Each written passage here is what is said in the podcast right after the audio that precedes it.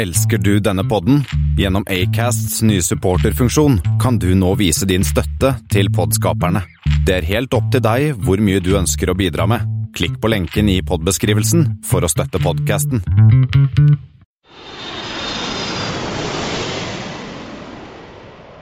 Hei og velkommen om bord på Flypodden, Norges eneste podkast om fly og luftfart. Vi har nå kommet til flight 005, som vi har gitt navnet Don't Cry for Me Argentina, for vi skal snakke litt om Argentina senere i dag.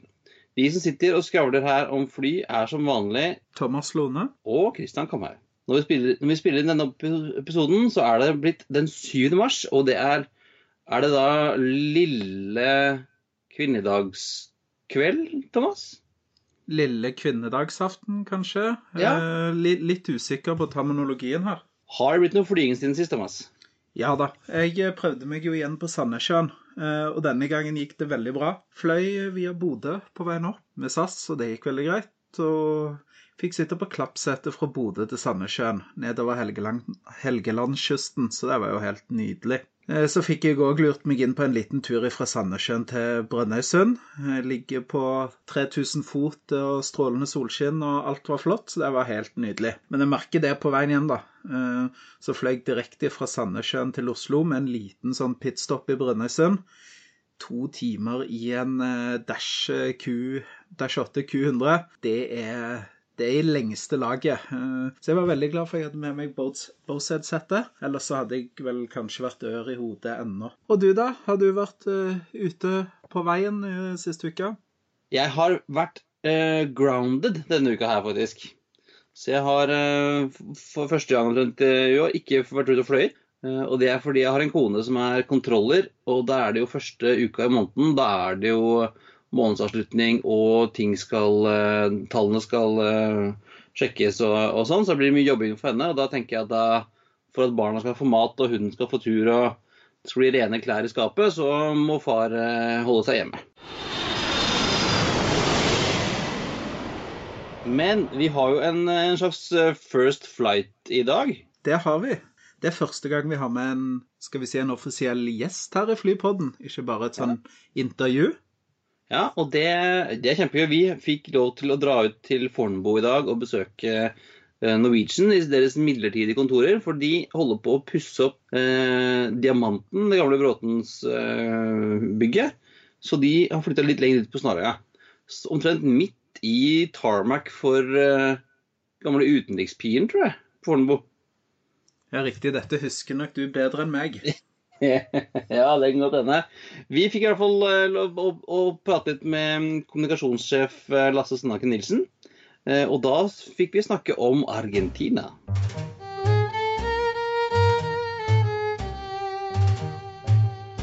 Det har jo skjedd litt i flyverden siden sist vi snakket òg. Eh, mest gledelig kanskje for Widerøe og for Embraer er jo det at eh, E2-maskinen nå er sertifisert. Og sånn som det ser ut til, så er han jo på tid i forhold til å bli levert til Widerøe, som er første kunde som tar imot denne maskinen nå i april. Det er, ikke, det er ikke lenge til. Det er vel sånn typ midten av april den kommer, er det ikke det? Jo, den kommer vel til Norge i andre uka i april, og så blir han satt i ordinær drift eh, første flight. Er vel Bergen eh, til Tromsø 24. april. Der er jeg med, blant andre. Så der ble vi en god gjeng som tar den turen der, da. Ta av mikrofonen, da. Det skal jeg gjøre.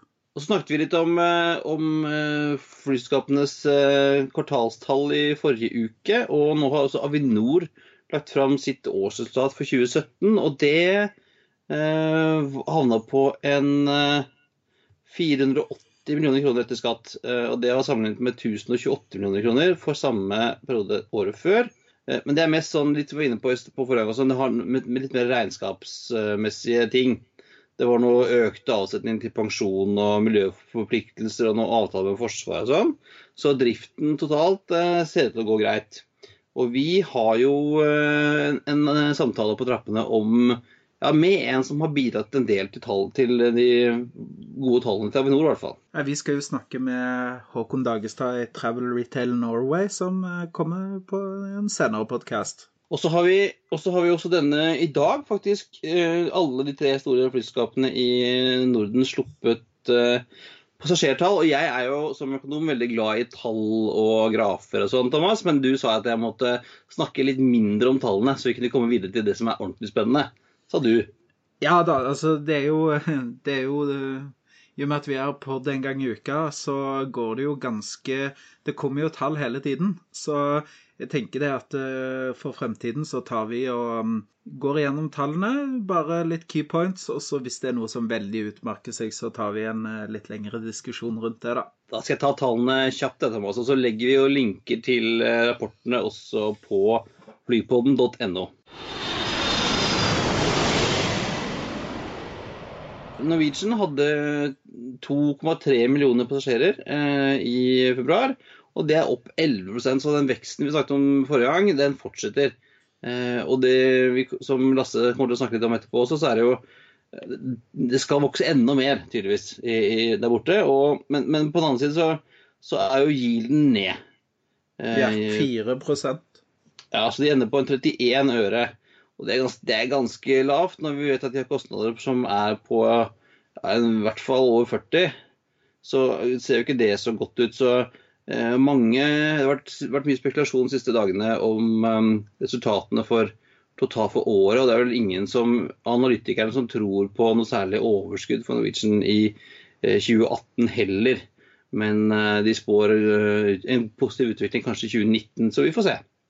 Ja, jeg så jo, så jo, faktisk det var noen analytikere som gjorde foreløpige beregninger på Q1. og ja, det var en del som snakket om faktisk milliardunderskudd også i Q1, så det kan jo bli dramatisk. Ja, Q1 er jo alltid dårlig, da, men eh, det ser jo ikke, ikke så pent ut. Men eh, vi får håpe at det, det tar seg opp utover året. Det er jo tidlig å spå for året også, egentlig, etter to måneder. Skal vi gå litt lenger østover, så går vi, går vi helt øst, så havner vi i Helsinki. Og Finne, som vi har snakket om før, har jo har det jo med å levere gode tall. De endte opp på 957 000 passasjerer i februar, som er en vekst på 14,7% Så den veksten der fortsetter også. Eh, de har jo tidligere klart å vokse eh, og tjene penger, men de sier ikke noe i sin rapport om gilden, som jeg kunne finne i hvert fall. Men det som de har, er jo en kabinfaktor på imponerende 84,2 eh, SAS, som også la fram tallene i år, i uka i dag, Eh, endte jo på en kabinfaktor på 67,6, som er vel en smule lavt selv for eh, en måned som februar, altså. Når man skal snakke om kabinfaktor, så er det jo nettopp det at i forhold til Jeg tror ingen flyselskaper har problemer med å få en høy kabinfaktor hvis man absolutt ønsker det. Spørsmålet er jo hvor mye de betaler de som fyller opp setene hos flyselskapene. Og der føler jeg kanskje at SAS nå er, er mer på riktig vei i forhold til at uh, ja, de har i underkant av 70% men de som faktisk sitter i de setene, betaler relativt greit for, eh, for å fly med SAS. Og da blir det penger av, av, av det, selv med 67-68% kabinfaktor. Jeg vet ikke hva du tenker om det, Christian? Jo, jeg har jo bakgrunn som revenue manager i eh, både i SAS og Norwegian, egentlig. Og, og det er jo en, en, en, avveining man skal ta. da, Man skal gå etter kaminfaktor. Som du sier, det er ikke vanskelig å fylle et fly. Det er bare å selge billetter til nesten ingen penger. Eh, men det er jo en avveining å gjøre skal, hvor langt ned skal du tillate det. for at eh, det blir vanskelig å gjøre ordentlig bra revenue optimization hvis du havner på sånn nedi 60-tallet. Altså og da har du veldig mye, u, mye kapasitet, som, som, mye etterspørsel som du ikke får, får, får solgt til. Da. Så jeg tror eh, SAS bør nok i hvert fall opp på 70-tallet, 70 syns jeg, for at det skulle se bra ut. Og Yielden i februar var også ned 2% samtidig som passasjertallet var ned 2,3 til, til ca. 2 millioner. Da. Eh, og Det henger jo sammen med at de har fortsatt den, den strategien med å kutte i kapasiteten i januar-februar. Nettopp fordi de ønsker ikke å, å fly en masse tomme, tomme, seter. Så jeg tror det har, har nok kanskje redusert eh, kostnadene en god del. Så vi får se om, om, om det har utvikling på hvilken utvikling de har på tallene for neste kvartal da når det kommer. Jeg bare slo meg tanken her nå at uh, dette er jo uh, Med din kompetanse så er det jo nesten duket for en revenue management spesial. Det kan vi ta, det kan vi ta senere. Det, det, det er gøy for, liksom, for, å fortelle hvordan ting funker. For det er jo en del sånne myter om at du skal sånn, man bør kjøpe 21 dager før, eller onsdager er bra, eller altså um, det, er, det, er, ikke helt sånn. Hvis du hører episode tre, tror jeg, av, av Norwegian-podkasten Norwegian On Air, så er det deres uh, VP Revenue Management der som forteller litt om hvordan revenue management fungerer. Um, et veldig, veldig, spennende fagfelt det som jeg har jobbet med i mange år. Og um, det gir en ordentlig god innsikt i hvordan, hvordan flymarkedet fungerer. da. Men en som ikke trenger å tenke på, på revenue management, det er Donald Trump. Ja, han har vært ute og kjøpt nye fly. Ja, Det var vel egentlig, var vel egentlig Obama som bestilte to nye fly til Air Force One, tror jeg. Men det har jo endelig, etter en liten krangling, begynte på Twitter hvor, hvor Trump mente at det var altfor dyrt, så har de jo hatt en del forhandlinger med Boeing. Og nå ble de endelig enige denne uka her om at de skal kjøpe to uh, nye fly til Air Force One basert på 7478i, som skal leveres i 2021 med en prislapp på 3,9 milliarder eh, dollar, eller 30 millioner NOK. Ja, og det er jo eh, Jeg syns det var litt morsomt det forhandlingsutspillet Trump kom med, når han eh, bare tweeta ut at 'cancel order' i slutten av 2016. Og da det vel, var det vel noen VP-er og litt andre i Boeing som fikk seg litt kalde føtter. Så han fikk jo forhandla ned prisen ganske bra. Ja, og så er han jo veldig glad i å gjøre en god deal. Altså, de, skryter jo nå fra Det hvite huset at de har eh, forhandlet ned med over en milliard. Så vi får se hva det ender opp, eh, opp med til slutt. Disse maskinene som flyr Air Force One i dag, er jo to eh, Boeing WC25 som er basert på 747-200, som ble levert i 1990. Og den første som fikk til å fly disse rundt, var jo George Bush jr., nei, senior, sorry, George Bush senior, Eh, og Trump sier nå at eh, disse flyene som skal leveres nå i 2021, er jo klar, blir jo klare for hans andre periode. Eller noen andres første periode. Ja, vi kan, vi kan jo kanskje håpe det. Så kan han fly, gå, dra tilbake til 757-en sin.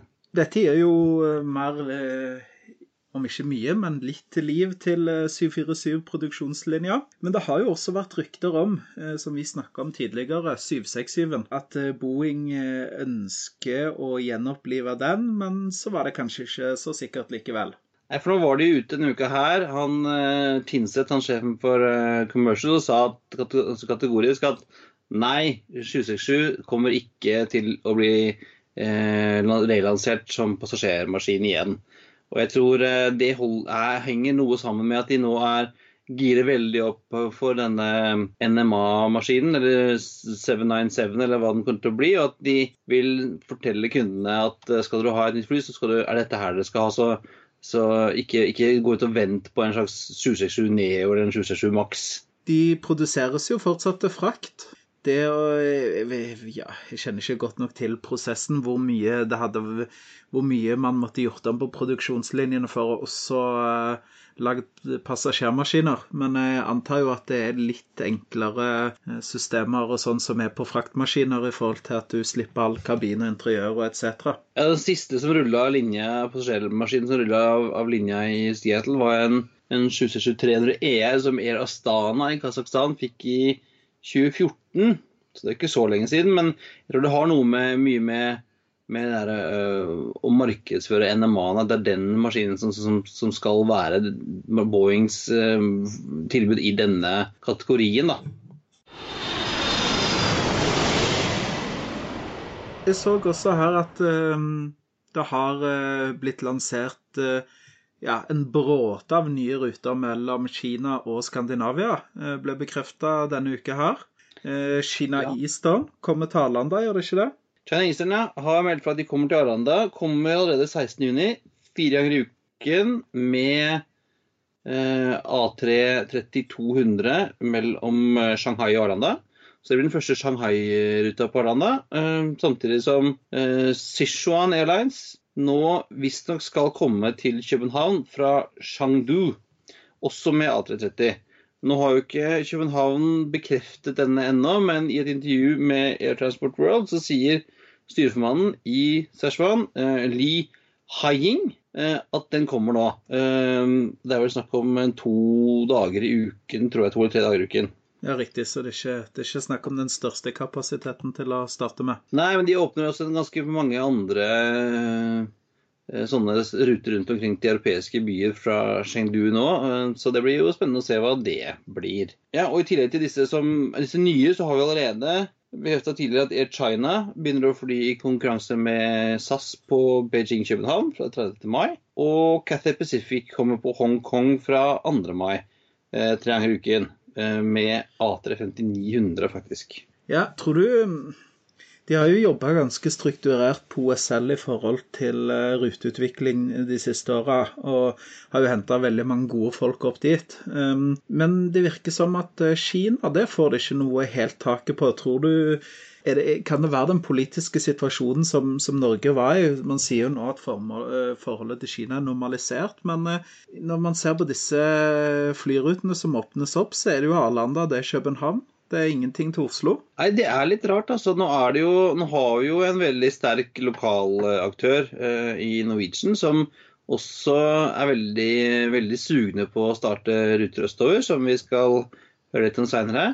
Men eh, og, og som sier, er jo forholdet til Kina har jo blitt, blitt bra igjen nå. Nå er vi jo slags venner, men eh, det ser ikke ut som, eh, som eh, de klarer helt å få dreisen på å få uh, kinesiske flyselskaper til Oslo. Så eneste, eneste interkontlinjene østover er jo nå Norwegian og Thai sine Bangkok-ruter, og, ja, og, og, og Lahore Islamabad. Og uh, Emirates og, Do og Qatar. Ja, men Er de, er de østover, eller er de sørover? Er? Sørøstover. Ja.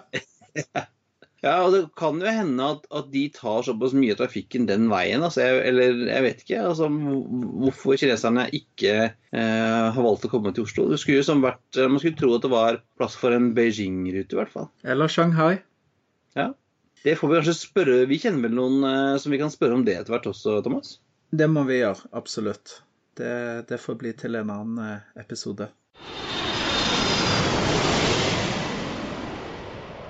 Jeg så også at eldrebølgen skyller innover eh, longhall-maskinmarkedet. A330, Airbus A330, som er jo en eh, god gammel arbeidshest for mange flyselskaper, den eh, begynner jo nå å bli gammel. Det er Til neste år så er det ca. 100 maskiner som, eh, av A330-er som, som blir eh, mer enn 20 år gamle. Airbus har jo slitt litt i motvind i forhold til å, denne nye A330 Neoen. Ja, Sist var det et par dager siden som Hawaiian tok en sånn eh, 360 og, og kansellerte ordenen sin på A330 Neo og gikk for Dreamliner istedenfor. Ja, det var jo litt sånn i siste liten, så Boeing må jo ha lagt på et ganske godt tilbud der eh, til Hawaiian. Eh, Jeg ser jo det at Airbus hevder nå at de skal pushe denne A330 Neoen til alle A330-kunder som nå har maskiner over 20 år. De mener det at A330 Neoen har, kan måle seg med 787 når det kommer til økonomi, eh, men med en eh, kapitalkostnad som er ca. 30 millioner dollar mindre per fly. Jeg syns det er litt rart da, hvis det, hvis det er så mye bedre økonomi i A330 Neoen, at f.eks. Hawaiian da dro i bremsen i siste sekund og gikk for, for 787 istedenfor. Ja, det har jo ikke vært noe sånn kjempesuksess salgsmessig. og mens Dreamlinerne selges jo i bøtter og spann, virker det som. Og, og A350 selger jo også ganske bra. Så har liksom den A330 Neo liksom, Det er en sånn mellomgreie. Hadde jeg, hadde jeg skulle kjøpe fly, så hadde jeg kanskje gått for en, en 350 med helt splitter ny teknologi istedenfor en sånn kvasiversjon av en sånn mellomtype fly. Jeg vet ikke, den har liksom ikke Ser ikke ut som den har fått den store, den store interessen, altså. Nei, så tror jeg det at eh, kanskje en spiker i, i 330 Neo-kista kan jo være også nå når Boeing lanserer eh, sin NMA, eh, så vil jo NMA-en tilby mye bedre økonomi på ruter f.eks. fra en 4000 til 5000 nautiske mil. Og da, hvis Boeing kan klare å holde prisen, listeprisen på en ja, 70-75 millioner dollar eh, per maskin, så tror jeg at eh, Airbus kommer til å slite med å få noe omsetning på A330 Neoen de, de neste årene.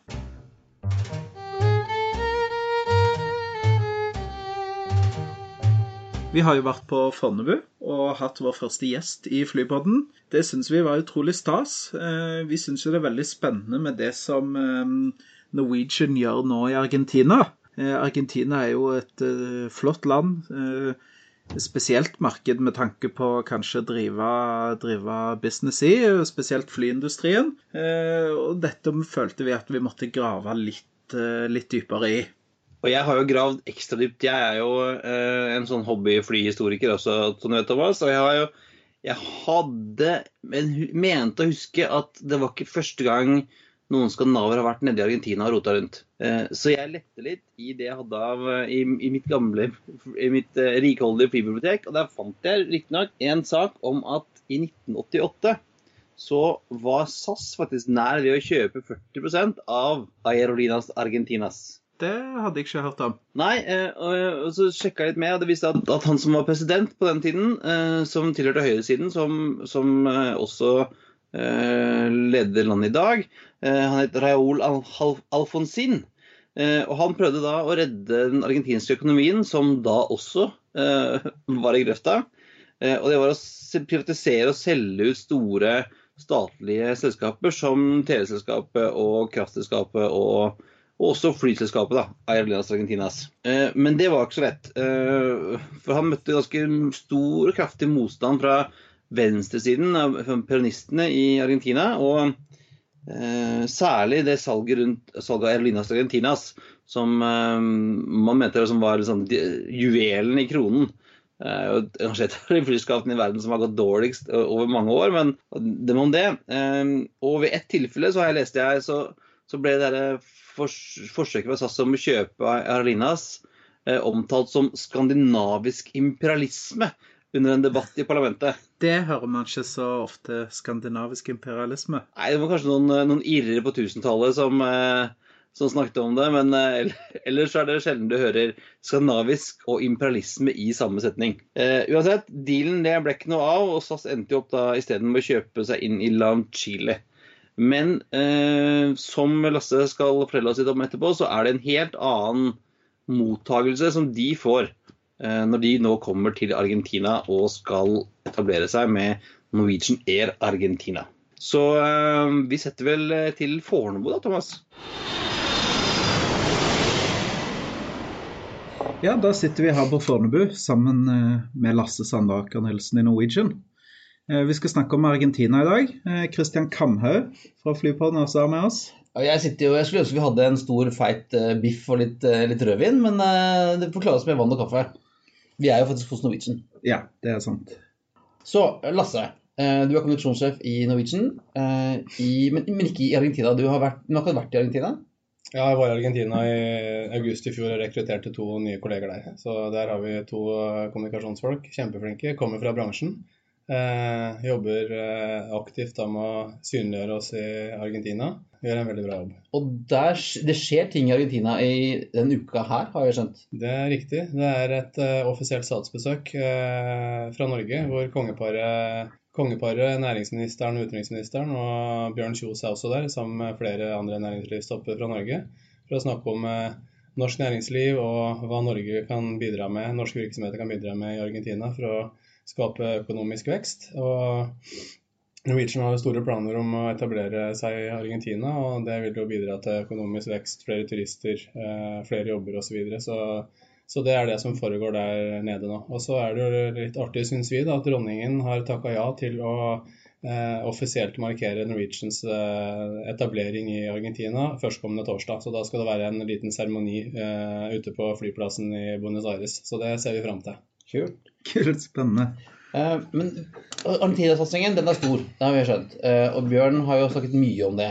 Uh, at, han, at, dette er spennende greier. Men vi lurer liksom på hvor, hvorfor Argentina? Det er langt fra Fornebu til Buenos Aires. Men det er gjerne ikke det mest stabile landet. Det er mye sterke fagforeninger. Økonomien er jo litt sånn opp og ned, og det er jo det er jo en helt annet land å drive business igjen i Norge og Europa. Ja, altså nå har jo vi, Det er, så, det er viktig å presisere da, at ja, vi har hovedkontor her på, på Fornebu. 50 av all eh, trafikken vår er, skjer utenfor Skandinavia. Så vi har jo begynt å få et ganske stort globalt fotavtrykk etter hvert. Eh, men Argentina var interessant for oss fordi at det er litt sånn som det var i Norge for 15 år siden. Det var lite konkurranse, mm. store avstander, veldig høye flypriser. I Argentina så benytter man ofte buss for å reise lange distanser, så de sitter på såkalte langdistansebusser med Eh, og sitter og humper da på buss i en 10-15-20-24 timer for å komme seg fra Buenos Aires og opp i eh, Wien-regionen f.eks. Eh, så vi så jo sett på det som et, et, interessant marked. Og så har jo den politiske situasjonen i Argentina endra seg betydelig de siste åra. Ja, det har vært et land som historisk har vært utsatt for mye korrupsjon og ustabilt politisk styre, men der har du nå en, en regjering som ble gjenvalgt, som er for eh, kommersialisering, de er for uh, utenlandske investorer eh, osv. Så, videre. så og vi har jo hatt veldig god dialog med myndighetene der nå over tid og fått eh, eh, god støtte for våre planer i Argentina. Så vi har jo hatt en, en dialog med myndighetene der eh, i godt, godt, over et år, halvannet år. og de har jo Eh, sågar godkjent eh, de rutene som vi har søkt på for fly eh, i Argentina og ut fra, Argentina og da ut andre steder i verden. Så vi har jo fått tillatelse til å fly 80 internasjonale ruter og 72 innenriksruter i Argentina. Det er ganske, et ganske stort, ganske stort hopp når det gjelder deres totale rutenett òg. Altså 150-60 nye ja. ruter på toppen av det dere har. Det er, det er, jo ikke en liten bit av butikkene der? Nei, det der kommer til å bli en stor del av, virksomheten. Og så kan du si at eh, det, eh, de 72 og 80 rutene, det, de kommer, til, kommer, ikke til å bli lansert uh, i år. Nei. Så det er, en, det er, jo en, langsiktig plan. Det der er jo en del av en sånn 10-15-årsplan vi har for har fra Argentina. Innen, eh, ja, I løpet av de 15 eh, neste åra så forventer vi at vi skal ha mellom 30 og 50 fly eh, stasjonert i Argentina. Så vi snakker jo om en plan som er veldig langsiktig her. Det kommer ikke til å skje over natta. Var det Argentina-satsingen, er, er, det en nødvendighet i forhold til at man har, har en stor backlog med bestillinger av fly? Altså Man må jo enten lease de ut eller bruke det i egen produksjon. Er det på en måte som et svar på det? da? Ja, altså Vi har jo mange flybestilling. Vi har 150 i trafikk i dag og over 220 eh, som fortsatt skal leveres. Eh, skal det jo sies at En del av de flyene vi har i flåten i dag skal jo også fases ut. Eh, mm. Vi har jo en eh, en plan om at uh, flyene skal fases ut etter uh, ca. sju år i drift.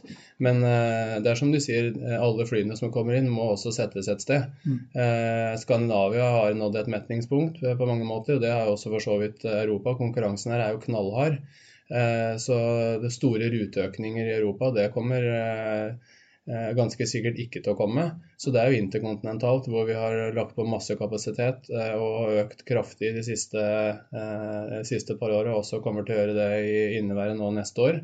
Eh, men så ser vi jo hele tida som du ender, vi ser på nye, nye rutemuligheter eh, og egentlig over hele verden. og Der utpekte Argentina seg fordi at det er et stort land, det er et uh, vakkert land og det er, har et uh, enormt potensial. For det er jo, Vi sånn, tenker på at Argentina er sånn, har kjempe, de har hatt kjempeøkonomiske problemer. de har høy inflasjon, men det er jo også et av de rikeste landene i Sør-Amerika. Det har vært den høyeste per capita i hele kontinentet også. Og der, der tror sa, det er mye mye uforløst etterspørsel. da. Folk ta buss i 36 timer mm. istedenfor å ta fly, for at det er ikke noe tilbud. liksom. Nei. Men du var inne på uh, fly. Um, hva, hva, starter dere med av fly der nede?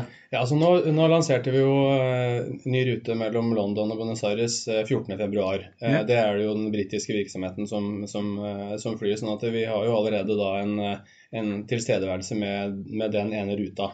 Eh, og så jo, bygger vi opp en eh, administrasjon i, i Buenos Aires, hvor uh, vår tidligere assisterende flyversjef Ole Christian Melhus, trønder, har tatt med seg hele familien til Argentina og bygger opp virksomheten vår der. Vi har tusenvis av søkere til stillinger i kabin og, og, cockpit. Og det som kommer til å skje først i Argentina, det er jo eh, innenriksflyvninger. Så det er jo Cordoba Mendoza eksempelvis fra mm. Buenos Aires. Eh, så innenriks eh, kommer først. Vi jobber nå med å sette opp eh, salgsløsninger for, for Sør-Amerika eller for, for Argentina. Og så vil det komme også internasjonale ruter i Sør-Amerika etter hvert. Og også da selvfølgelig interkontinentale ruter. Men det som kommer først, er innenriksruter, hvor det er jo da selvfølgelig et stort uforløst potensial. Så Den- de der langdistansebussene, de skal vi parkere. Den eh, argentinske eh, det selskapet som dere sett opp, er det heleid av Norwegian, eller Ja. får dere med andre? Okay. Ja, nå er det er en del, et eh, datterselskap av Norwegian Air Shuttle. Ja. Og de flyene blir ikke hvite og blå argentinske, men Nei, det blir det samme Norwegian-flyene som, eh, som du ser flyr her. Ja. Eh, men vi har jo vi har allerede plassert ett fly der. Det må du ha for å kunne få ja, søke om driftstillatelse og de tingene der. Så, så det er på argentinsk register, LV, for eh, flynerdene som er opptatt av sånn. Mm. og det har allerede fått en argentinsk komponist på halen. Så den første argentinske helten er på plass. Eh, Astor Piazzolla, som er eh, komponist. Så, så det, det er på plass. Så det er jo det flyet eh, som skal eh, stå i, for, i bakgrunnen da når, eh, når dronningen skal eh, erklære Norwegian i Argentina for åpna. når er det dere startet drift, egentlig? Er det, er til høsten?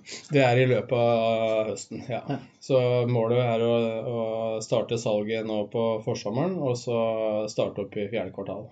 Men dere blir jo ikke alene på, på markedet, for nå har jo Flybondi har jo allerede starta, lav pris, og så har du jo Aerolinas Argentinas, som vel er en enda bedre konkurrent for dere enn SAS noen gang har vært.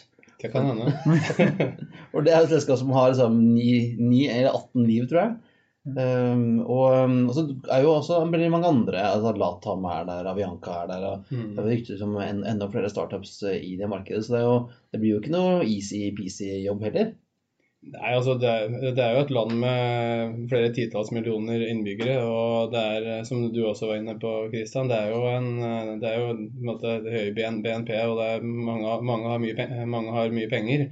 Eh, så det er klart at eh, sånn konkurranse kommer det til å bli, men det er bare sunt. Så, så det frykter vi ikke i det hele tatt. Så kan de si jo Flybondi starta nå, de har ett fly. og eh, de har vel ikke så mye erfaring med å drive luftfart tidligere heller. Så. Nei. Hvordan har eh, mottakelsen vært i Argentina? Altså type presse, altså buss Altså hvilke signaler plukker dere opp da i forhold til kommentatorer og Altså, menigmann og ja. andre, da? Det er jo, det er jo utrolig positivt. Da. Vi, eh, bare for eh, et eksempel. Eh, i, eh, I desember eh, Vi, vi eh, analyserer for mediebildet analysert eh, hver måned. Og da analyseres jo eh, de, de landene hvor vi, har, hvor vi har kommunikasjonsfolk, og det har vi jo nå i Argentina. Eh, Norge er jo det landet med mest eh, oppmerksomhet, fordi det er veldig mye reaktivt i Norge. Veldig stor interesse. Eh, men i eh, desember så var Argentina det markedet med nest flest uh, oppslag. Og de var utelukkende svært positive. Det var vel en, jeg tror det var 450 oppslag i argentinske medier om Norwegian i desember. Uh, og det sier jo litt om interessen. Og så da vi reiste til Argentina for å rekruttere uh, kommunikasjonsfolka våre der, uh, så satt vi i taxien fra flyplassen og inn til, inn til byen og sa at vi var fra Norwegian. Og han taxisjåføren var jo bare helt over seg begeistring. Å, Norwegian var kjempekult, og dere har hørt om Og så dro han opp en artikkel på mobilen sin som han, eh, som han viste oss. Så, sa at eh, de er klar over at vi, vi kommer, og at mottakelsen er positiv, det er det ingen tvil om. Altså. Så det blir veldig spennende. Og alt sånn skandinavisk er jo litt i vinden sånn Ja. u i utlandet, hvis man skal Ja. se litt stort på det for tiden. Så man kan jo ri litt på den bølgen der òg, da. Ja, jeg tror det. Og, og man kan etter hvert kjøpe billetter overalt. Så man kan kjøpe Bardufoss til Buenos Aires eller helt til Cordoba, liksom. Ja, det Ja. det. Mm. Og, og, men dere, dere er jo ikke Dere holder ikke altså, Jeg har hørt rykter om at dere ikke bare snakker Argentina når dere er der nede. Ja, vi snakker om rykter om Brasil òg. Ja, vi, Brasil er jo veldig interessant, det. Eh, det er tilbake til alle de flyene som skal settes i trafikk. da, Så er det jo Man når et metningspunkt ett sted, og da må man jo se på andre muligheter. Mm. Og vi skal jo Vi vokser jo globalt, og Brasil er jo et kjempemarked. Så det er klart at Brasil er også veldig Et av de største innenriksmarkedene i verden. Ja, så det er absolutt interessant.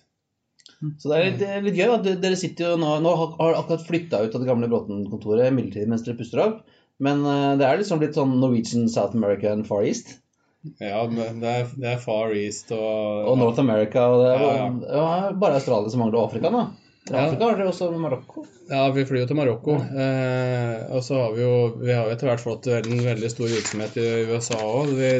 Bare se på antall medarbeidere. Vi har jo eh, 757 ansatte i, i USA. 2500 i Norge og Spania som det nest største med vel 2000, og, og nesten 2000 i UK. Så vi begynner å bli store uh, utafor uh, Norge. Ja. Så, så Argentina og, og, og eh, Asia er jo også et, er jo helt uforløst. og Det er jo den uh, overflyvningsproblematikken uh, på Russland som, som, setter en stopper for, for, ekspansjon. Men det er klart at Kina, Sør-Korea, Sør Japan er jo veldig interessante. Hongkong er jo kjempeinteressante markeder. Både for innkomne turist, turisme til Skandinavia, men også på, for eksportmarkedet med, med frakt. Så det er mange muligheter. Men, mens vi bare er inne på det, en sånn liten digresjon da, i forhold til dette med overflyvningene på Russland. Ja. Um, sånn så Det har jo vært kjent nå ganske lenge at uh, den Oslo-Bangkok-ruta får lov å fly over Russland. Ja, sånn en, en veldig sørlig trasé. Ja. Ja. Og så er det sånn at uh, får Arlanda og København også lov til det nå? Ja, det er riktig. Mm. Men så det var, det, var, det var resultatet av de forhandlingene som var mellom skandinaviske myndigheter og russiske myndigheter i november. Ja. Så vi ønsker jo å få muligheten til å fly over gjennom Sibirkorridoren, som eksempelvis eh, ja, som SAS er det eneste Ja. skandinaviske selskapet som har tilgang på. Eh, Det er foreløpig visstnok uaktuelt, men eh, vi fikk eh, tillatelse til å fly en, litt, eh, en, en sydlig Mm. eh, korridor da, på vei til Bangkok. Og det gir oss en ca. 40-45 minutters besparelse på tid. Det er mye penger i løpet Det- av et år. Det er veldig mye penger i løpet av et år, og så er det jo bra for passasjerene, for de får kortere reisetid. Så, så det er veldig bra. Men det er jo synd da, sånn som f.eks. Japan, Seoul, Sør-Korea er jo markeder som på en måte er ganske stengt for dere. Det er jo litt uh... Ja, det, sånn du kan si vi kan fly de, men da må vi fly en uh, skikkelig lang omvei, og det er jo helt uaktuelt. Så nei, vi, jo, vi mener at norske myndigheter ikke skjønner hva som er best for Norge i den saken her. Eh, SAS vil sluse sitt, eh, eller sine gjennom eh, primært København, Ja. også noe gjennom eh, Stockholm. Og Norge sitter igjen som den store taperen. Det er jo ingen direkteruter i dag som, det jo, som, som SAS har fra Norge til Asia. Eh, Thai har en rute, det er det eneste. Det er, det er Thai som flyr eh, Bangkok eh, i konkurranse med, med oss. mm. Og det er det, så det er et enormt potensial. Reiselivsnæringa er jo veldig opptatt av å få dette til. Men eh, det er en gammel avtale som tydeligvis tar litt tid å få, eh, få endra på. Men vi er positive og optimistiske. Jeg tenker jo det, jeg snakket med han Jasper Sprout på Ja. ruteutvikling på OSL. Og, og vi diskuterte litt dette her i forhold til transfer mellom eh, østkysten i USA og Asia. Ja. Er Oslo i en unik posisjon. Ja.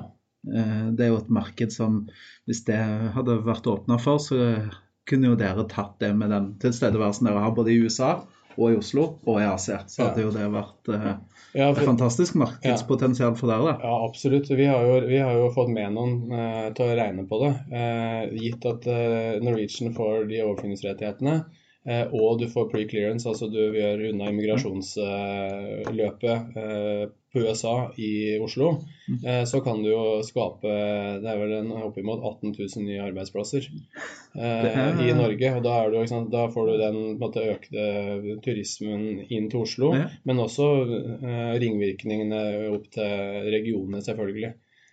Så, så det er et kjempepotensial som man bør, eh, benytte seg av. Hadde det, vært, hadde det bare vært opp til oss, Christian? Hadde fiksa det. Oss. Ja. Og Spørsmålet er få, blir det Asia-ruter fra Oslo før det blir Asia-ruter fra Buenos Aires? Det er et veldig godt spørsmål. Det er opp til myndighetene. Ja. Men da sier vi eh, tusen takk for praten, Lasse. Hyggelig at, vi, at du ville være vår aller første gjest i Flypodden. Ja. Det er en, det er en first flight, det òg. Det er det. Vi har jo hatt noen intervjuer, men ja. eh, Ja. veldig ålreit å få en gjest, altså. Og hvis du trenger noen til å, til å sjekke disse rutene til Cordoba, så kommer vi gjerne, vi blir gjerne med, vi, altså. Ja, jeg har vært i Argentina før. Det er fantastisk fantastisk Så du blir igjen. Jeg blir Ja, med ok. Lasse på Ja, jeg blir også med å drikke litt god rødvin og litt uh, saftig biff. Ja, Ja, flott. supert. Da sier vi tusen takk til Lasse Sandaker Nilsen i Norwegian. Da har vi kommet til ukens anbefaling, Thomas. Og det er vel din tur denne gangen. Har du noe på å anbefale? Ja, det har jeg. Eh, Kona og jeg var jo i Argentina, så jeg tenker jeg må jo anbefale noe argentinsk siden, siden denne episoden heter Don't Cry For Me Argentina. Jeg vil fortsette egentlig litt der jeg slapp i eh, ved siste anbefaling. Jeg vil anbefale faktisk en restaurant skråstrek antikvitetsbutikk. Eh, i, Restaurant og antikvitetsbutikk, det var en spesiell kombo, syns jeg. det er en utrolig spesiell kombo. Eh, og denne restauranten er en såkalt closed door restaurant, så du må ha booka på forhånd. Du må få instruksjoner på hvordan du skal gå ut, for det ser ikke ut som en restaurant der det, det er egentlig bare en dør i veggen, ingenting annet. Du går inn, og så åpner det seg det fantast mest fantastiske restaurantlokalet jeg har sett noen gang. Det er et helt antikvariat med stoler og bord og lamper og you name it, høyt under taket, majestetisk høyt. Alt kan kjøpes, ja, for det er jo et en antikvar eh, antikvariat, så alle, alle tingene kan kjøpes. Men så er det også restaurant der på kveldene, og der får du en eh, full eh, tror det var femretters meny til en meget meget rimelig penge, og det var fantastisk mat. Det er en hel kveld som man sitter der. Man spiser, man koser seg. Eh, det er livemusikk. musikk. ja, det, det er en fantastisk atmosfære. Så det er kanskje et eh, Jeg vil tippe det er et av de beste topp tre restaurantbesøkene jeg har hatt i mitt liv. Så jeg vil anbefale eh, La Passionaria. Passionaria. La Passionaria. I Buenos Aires. i Buenos Aires, ja. Da vet vi det. Når vi skal til eh, Buenos Aires, så drar vi på La Passionara. Det er vel det det heter. Spansken min er ikke den beste. Eh, forrige uke hadde vi jo eh, vår første giveaway. Du hadde fått med en bok om krisekommunikasjon. Og vi ba jo folk om å gå inn på Facebook-siden vår, facebook.com slash flypodden, og fortelle om hvorfor akkurat de burde få den boka.